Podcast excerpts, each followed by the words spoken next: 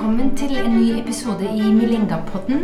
Podkasten for lektorstudenter, lærere og andre som interesserer seg for flerspråklighet i opplæring. Jeg heter Jåke de Vilde og har ansvar for Milingapodden. Jeg har gleda meg lenge til å spille inn denne episoden i dag. Og jeg har med meg eh, Guri Bordal Steien, som er professor i lingvistikk ved Høgskolen i Innlandet.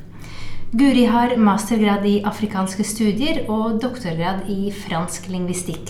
Hun har mye kunnskap om flerspråklighet, og særlig da blant flyktninger i Den demokratiske republikk i Kongo, som jeg gleder meg til å høre mye om i dag. Velkommen til studio, Guri. Tusen takk. Hvis vi går litt bredt ut først, hva vet vi egentlig om det å lære et språk i voksen alder som flyktning? Ja, det er jo en av de tingene som jeg har uh, interessert meg uh, ganske mye for den siste tida. Uh, etter at jeg begynte å forske på flyktninger selv, så har jeg gjort en ganske grundig gjennomgang av litteraturen som er skrevet om andrespråkslæring for voksne, eller tilleggsspråkslæring, eller hva man vil kalle det. Og funnet ut at det er veldig få studier som eh, har flyktninger som sitt fokusområde. Det er eh, mange studier som ser på universitetsstudenter, eh, eller studenter som skal lære seg et nytt språk. Arbeidsinnvandrere. Eh, og få egentlig kvoteflyktninger. Eh, eller flyktninger, altså asyl, asylsøkere og kvoteflyktninger. da.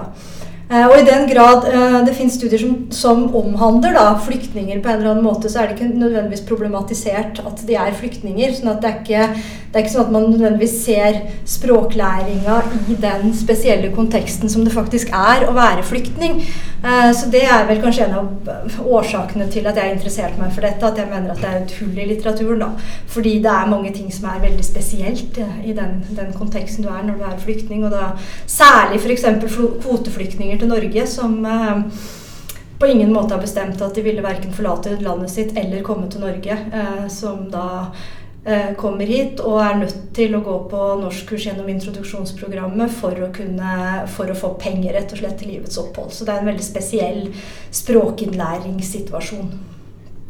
Og En av de tingene som jeg tror vi begge har til felles, at vi er opptatt av deltakerperspektivet. Ja. Um, og det blir jo viktig man skal, når man snevrer inn en gruppe som du beskriver her. Ja. Um, hva tenker du vi går glipp av ved å ikke innhente et sånt deltakerperspektiv? Så det kan, det, det, tror jeg nok gjelder altså det tror jeg gjelder fagfeltet som sådan, ikke nødvendigvis bare med flyktninger. Men hvis, si det, hvis jeg skal snakke litt mer spesifikt om flyktninger, så tror jeg vi går glipp av um, flere ting. For det første så kommer de ofte fra uh, kontekster som er veldig forskjellige fra uh, den norske, da, hvis du skal ta den norske sammenhengen. Både språklig og kulturelt. Men hvis vi ser på det rent språklig, så er jo altså de flyktningene som jeg er interessert meg særlig for nå, kongolesiske flyktninger, kommer jo fra veldig flerspråklige språkområder, eller språkøkologier, eller hva du vil kalle det. Um, som er vant til å lære å bruke språk på andre måter enn det vi er vant til å lære å bruke språk i Norge. Eller i hvert fall hvordan vi konseptualiserer læring og bruk av språk i Norge. Eh, og den eneste måten å få innsikt på hva slags erfaringer de har med språk fra før av, som selvfølgelig er viktige inn i prosessen med å lære et nytt språk, så er vi nesten nødt til å snakke med dem selv. Det er, ikke, det er vanskelig å få, få, de perspektivene på noen andre måter. Um, og så er det andre ting som er uh, mindre relatert kanskje til språk, men som som også jeg opplever hele tiden er veldig eh, en veldig viktig faktor i eh, prosessen med å lære norsk. Og det er jo eh, det faktum at de lære, mange av dem skal lære seg og veldig mange andre ting samtidig. altså Fungere i et samfunn som er veldig forskjellig fra det samfunnet de er vant til. Eh, mange har f.eks. ikke noe erfaring med med å bo i hus, sånn som altså i moderne, eller altså i hus som norske hus, og de må lære seg det. Det er klart at det tar jo ganske mye energi, i tillegg til at de skal lære seg et helt nytt språk. Eh, sånn at det, det Og eh, de har ofte familie eh, der de kommer fra, som fortsatt har problemer, som kanskje er forfulgte. Så det er jo et psykologisk aspekt ved det her. Ofte med seg en god del eh, erfaringer som er vanskelige. Så helheten eh, det språklige, ja, men også hele livssituasjonen vil jo spille inn på hvordan du forholder deg til språklæring i klasserommet. Det er i hvert fall det jeg Det er det som er på en måte min hypotese, da. Og det er også sånne ting som er vanskelig å få innblikk i uten å snakke med dem selv. Um, hvis vi går litt på de nye prosjektene som du har med 13 voksne kongolesiske flyktninger. Um, Hvorfor bestemte du deg for å satse på én bestemt gruppe? Kongolesere? Mm. Um, det var vel fordi at jeg hadde ønsket å gjøre noe som var på en måte situert, eller hvor du hadde lyst til å i så stor grad som mulig uh, gjøre en grundig etnografi. Um, og da tenkte jeg at uh, uh, det er en fordel å ha litt bakgrunnskunnskap for hvor de kommer fra. nå har jeg, ikke, har ikke vært i Kongo sjøl, men jeg har gjort feltarbeid i Den sentralafrikanske republikk, som er nabolandet til Kongo, som har en god del til felles når det gjelder både levesett og språkbakgrunn. og så har jeg gjort et annet større prosjekt om språk blant kongolesere i Norge. Så jeg har, så jeg skal ikke påberope meg å være ekspert, men jeg har noen sånne noen innsikt innsikter i kulturelle, sosiale og språklige faktorer som gjør at jeg tror jeg lettere kan gjøre kontekstualisert etnografi. Da. Jeg tror det er vanskeligere å gjøre hvis man skal forholde seg til folk med veldig ulike bakgrunner. For det er jo, selvfølgelig så er det forskjeller innad i en gruppe med kongolesere på samme måte som det vil være forskjeller innad i en gruppe med syrere, men samtidig så er det noen sånne trekk som er til felles, og som er som forsker en fordel å kjenne til, vil jeg mene. Ja, for jeg skulle til å si at Når man jobber som lærer f.eks. i en voksenopplæring, så vil man jo ha flyktninger fra veldig mange forskjellige bakgrunner. Så tenker du at det er litt sånn ditt privilegium som forsker at du kan snevre inn til en bestemt gruppe og bidra med ny kunnskap der?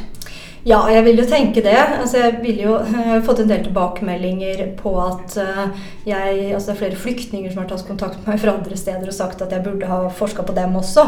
Så det er klart at det, det, det, er jo på en måte en slags sånn altså det, det, gir en bitte liten brikke i et mye større spill, selvfølgelig. Men jeg tror det kan gi en jeg tror det å på en måte fokusere på én sånn gruppe kan gi en ganske, en ganske mye mer En ganske dypere brikke i et stort spill enn å forske litt på ulike, ulike bakgrunner. da. F.eks. når det gjelder å, å ha litt forståelse av av um, altså språkbakgrunn, språkene de, de, kan fra før av. Både strukturelt, strukturelle trekk ved de språkene, men også sosio, altså sosiolingvistiske realiteter ved, ved, ved, der de kommer fra.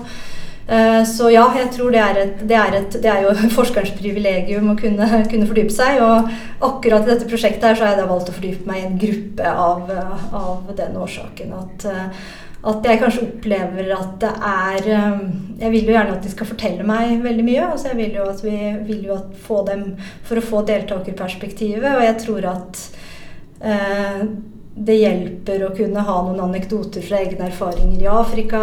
Eh, no, litt forforståelse for hva som kan være tabu å snakke om og ikke tabu å snakke om. Eh, Osv. Som gjør at eh, jeg har valgt å gjøre det sånn. Mm. Det er ikke sikkert det fins, men uh, kunne du ha beskrevet et sånn typisk språklig repertoar for noen av dine deltakere fra Kongo? Det er helt sikkert veldig bredt, men er det noen typiske ja. trekk? Ja, altså mange av de som kommer som kvoteflyktninger Og det er jo kanskje den andre grunnen til at jeg har valgt å fokusere på kongolesere, er jo også at Norge imot, uh, har tatt imot ca. 3000 kvoteflyktninger de siste årene. Så det er jo også en veldig aktuell gruppe. Det er jo også derfor. Det, det glemte jeg å si i stad da jeg snakka om hvorfor akkurat kongolesere. Men også fordi det er en aktuell gruppe. Um, og mange av de som, kom, altså som kommer som kvoteflyktninger til Norge nå, de kommer fra et område i Øst-Kongo som heter Rutshuro. Eh, som ligger mellom eh, altså det ligger, det ligger, i Kongo, men det ligger ganske nært til Rwanda. Eh, og det har vært en god del flytting mellom Rwanda og Rotsjoro. sånn at de fleste av dem de snakker da eh, et språk som heter kinyabuisha. Kinyabuisha ligner ganske mye på kinya-Rwanda. Um, I tillegg så er det jo Kongo, som, i Øst-Kongo hvor det viktigste, eller det hovedspråket er swahili. Uh, og så er fransk undervisningsspråk. Uh, og så er det jo også andre språk som er til stede i økologien. Altså folk som, folk som, kommer fra ulike, eller som snakker ulike språk. Sånn at de fleste har vokst opp med eh, som sitt førstespråk, hvis man kan si det sånn, eller sitt morsmål, vil nok de fleste Jeg vet ikke om de ville sagt det sånn, men sånn jeg forstår det ut ifra beskrivelsene, så er på en måte førstespråket en, en, en Altså, førstespråket er swahili og kinyawisha vil jeg si. Det er ikke swahili eller kinyawisha, det er swahili og kinyawisha. Ja.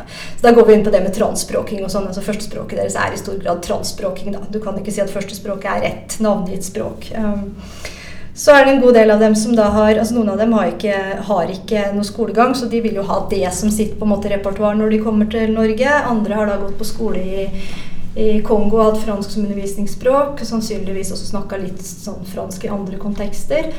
Um, og så har de vært i transitt, og det gjelder også de aller fleste som kommer til Norge nå. De har vært i transitt i Uganda, uh, hvor de har uh, De fleste har lært en del litt engelsk, om ikke annet muntlig. Noen har også studert på engelsk skriftlig. Uh, og så har de ofte også lært en eller flere lokale ugandiske språk, sånn som nyoro eller luganda. Eh, så de har ofte veldig rike språklige repertoarer som, eh, som, på en måte kan sies å være en slags eh, gjenspeiling av både den veldig flerspråklige konteksten i Kongo, men også mobilitet til steder med, hvor de da har vært nødt til å tilegne seg ulike språklige ressurser.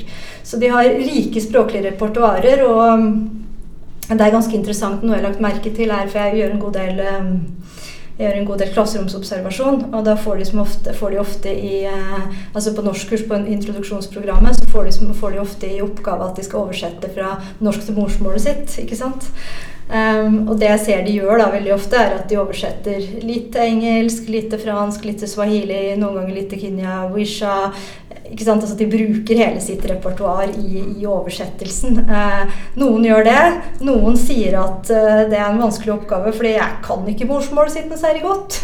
og da har de jo en annen forståelse av morsmålet, at morsmålet er på en måte det språket de identifiserer seg med, men som ikke skriver. Så Det er en sånn type, det er en sånn eksempel på sånn krasj. ikke sant? At eh, I undervisningen så tar man det for gitt at man har ett, ett morsmål. Det er et navngitt språk som man lærte først og kan best.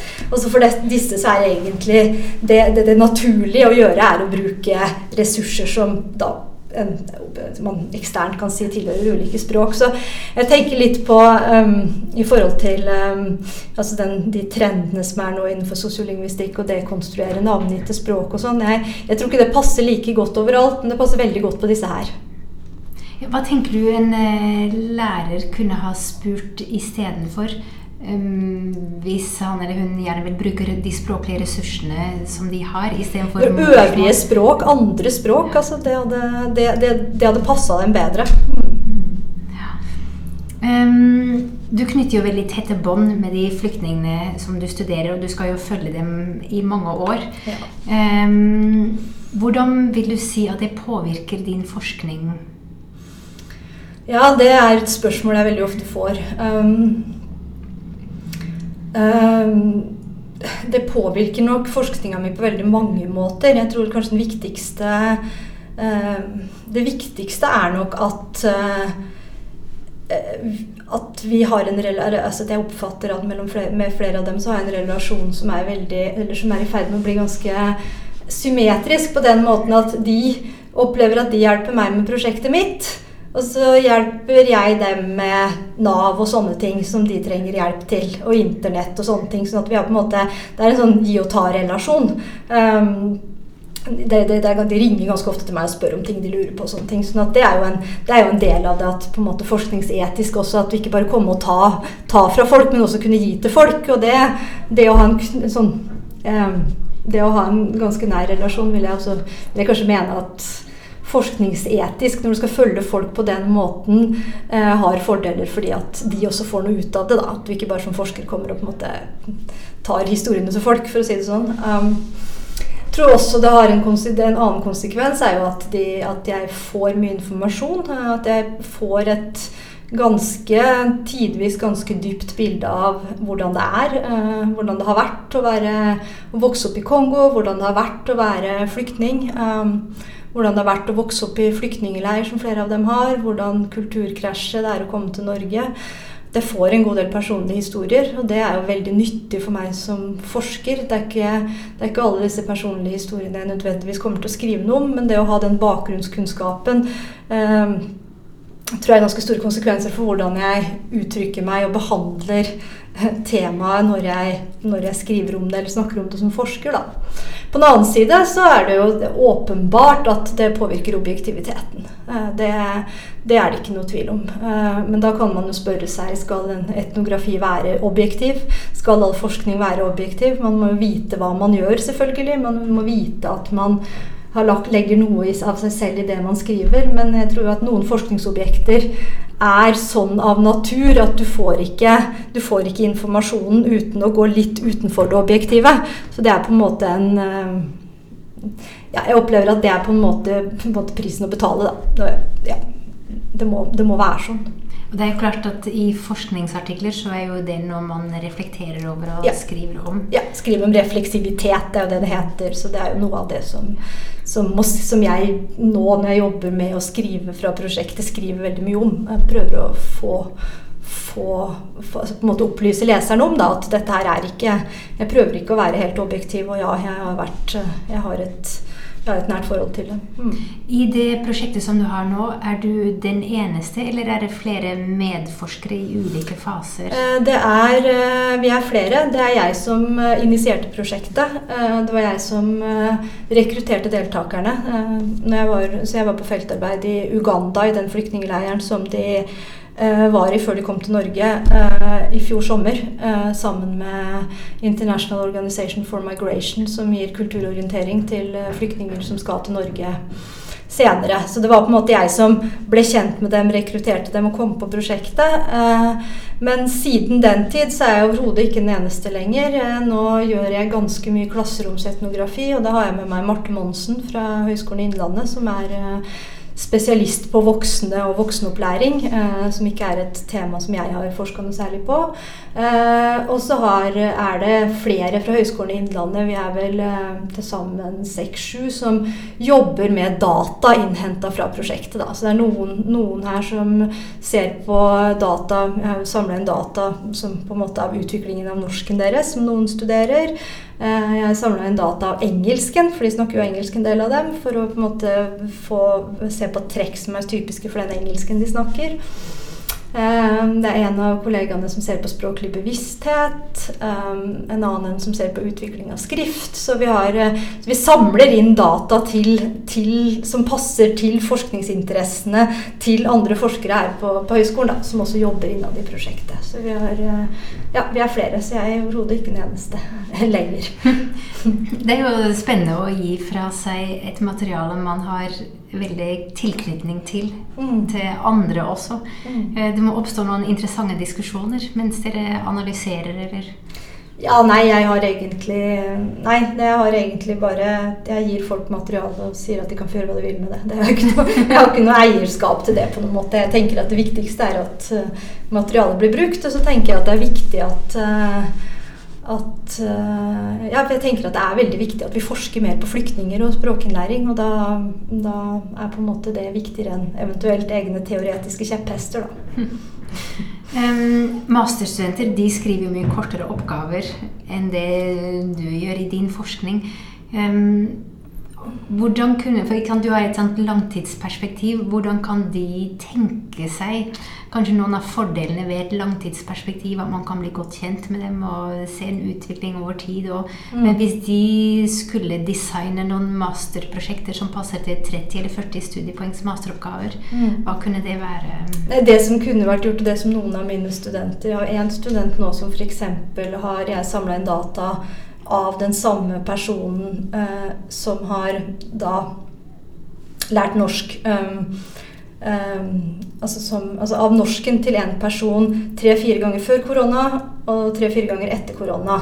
Og det er jo nok data til altså Det er én person, men du har jo den kontrasten før og etter korona. Så hun skal skrive om det, da, norskutviklinga, i hvilken grad koronastoppen påvirker sjekket den muntlige utviklinga. Det er jo klart at det er jo data som jeg allerede har innhenta, men som hun gjør noe som er hennes med. ikke sant? Um, ellers så er det jo alltid mulig altså i forhold til et sånn type prosjekt når, når uh, deltakerne allerede er rekruttert og det etiske er i orden, så går det jo an å gjøre et intervju f.eks. med en av deltakerne. Og da, selv om du som masterstudent bare kommer inn og gjør ett intervju, så kan du jo få ganske mye av konteksten fra forskeren. Så, så masterstudenten kan gjøre ett intervju med sin, det han eller hun er interessert i for sin oppgave, men på en måte lenke det til den større konteksten av prosjektet. Da. Så det, er sånn prøver vi å jobbe litt. Det er jo eh, veldig spennende for en masterstudent å være del av et sånt større prosjekt. Hvis noen nå ikke kunne være del av et sånt prosjekt, eh, tenker du da at det er en fordel å følge få og gjøre et sånt dypdykk? Ja, det er et godt spørsmål. Det har jeg faktisk tenkt litt på. Ja. Det der har jeg tenkt en god del på, for jeg veileder flere master studenter, og de har jo ofte Det er kanskje din erfaring også, men de vil jo ofte gjøre veldig mye. Og de vil snakke med veldig mye folk. Men jeg prøver å Jeg tror nok at jeg Ja, jeg har tenkt veldig mye på det, men jeg tror nok at jeg råder dem Jeg tror nok at det er et godt råd å fokusere på færre individer, men heller gå mer i dybden på enkeltindivider. Mm. Jeg tror det. Jeg vet ikke hva du tror. Jo, jeg òg tror det. Ja. Um, har du noe erfaring med samtykkeskjemaer? Uh, for det er klart, Hvis de f.eks. har lite skolegang, og man skal prøve å forklare hva en forsker gjør Ja, det er ehm. problematisk. Ja, det er veldig problematisk. Og det, jeg har muntlig samtykke fra de som har lite skolegang, uh, med tolk. Men det er klart at du vet jo egentlig ikke hvor godt det er mm, informert det du faktisk gjør. altså og hva, hvordan forstår folk fra ulike samfunn hva forskning er? Hva rollen din egentlig er? Så det er også et etisk dilemma. Det, det, ja, det har jeg ikke noe godt svar på, annet enn at uh, jeg har prøvd etter beste evne å forklare det, og jeg prøver å forklare det hver gang jeg møter dem, hvorfor jeg er her, hva jeg driver med. Men man kan jo ikke kontrollere for at det er 100 forstått. da. Og det er jo også noe som man som forsker, når man skriver om disse tingene, rapporterer om disse tingene For én ting er når du er på feltarbeid, ikke sant. Altså Det er nå én ting, men det etiske jo mye, er jo mye større, er mye viktigere når du skal skrive om det. Og, og, anonymiseringsprosessen, og at må At man kanskje må være ekstra påpasselig med sånt eh, når man eh, når man har deltakere med lite skolegang og som man ikke har et felles språk med, og som ikke nødvendigvis kommer fra et samfunn hvor forskning er noe man forholder seg til. da. Ja, hvordan har du gjort det med når du da har skrevet noe ferdig? Har du tatt, tatt tilbake til dem? Rapportert, på en måte? ja, jeg, ja, nå har jeg ikke, De som med minst skolegang har jeg enda ikke, har jeg ikke skrevet noe med, men, uh, skrevet noe, men uh, de andre har jeg sendt alt jeg har skrevet til ja, før jeg publiserte. Mm, det har jeg gjort. Ja, Du har gjort det i forkant? Ja, før jeg publiserte. Mm. Mm. Tenker du at det også er noe å anbefale for en masterstudent? At de skriver og er i dialog med deltakeren? Eller deltakerne? Det kommer jo litt an på forskningsspørsmålet, mm. men, i, noen typer prosjekter, ja. Og, og det blir ikke noe dårligere forskning av at det er et samarbeid mellom deltaker og forsker, i hvert fall. I alle typer prosjekter. Ja, for jeg tror at noen er litt uh, redde for det med den objektiviteten. Ja. Um, men jeg er enig med deg at det er jo noe man som ikke er til å unngå, og som man må reflektere over. Mm. Uh, jeg tror det er mer interessant Ja, for jeg tror at uh, masterstudenter vil jo ofte ikke alltid ha liksom svar. Kan jeg gjøre det, eller kan jeg gjøre det? Jeg tror jeg prøver å si til studentene mine du kan gjøre alt, men du må vite hva du gjør og hvorfor, og, og reflektere rundt det. Det er ikke noen regler for hva du kan gjøre eller ikke gjøre, men, men vit hva du gjør, og tenk konsekvensene av de ulike valgene alt kan diskuteres, og alle diskusjoner er jo for så vidt interessante, vil jeg mene, om, om den type ting, da. Ikke sant? Mm, mm. Bra.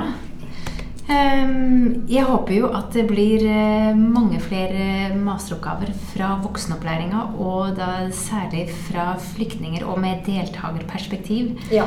Um, det er jeg enig i. Jeg oppfordrer masterstudenter til å skrive om flyktninger. Særlig flyktninger og voksenopplæring og deltakerperspektiv, sånn som du sa. For der vet vi lite om.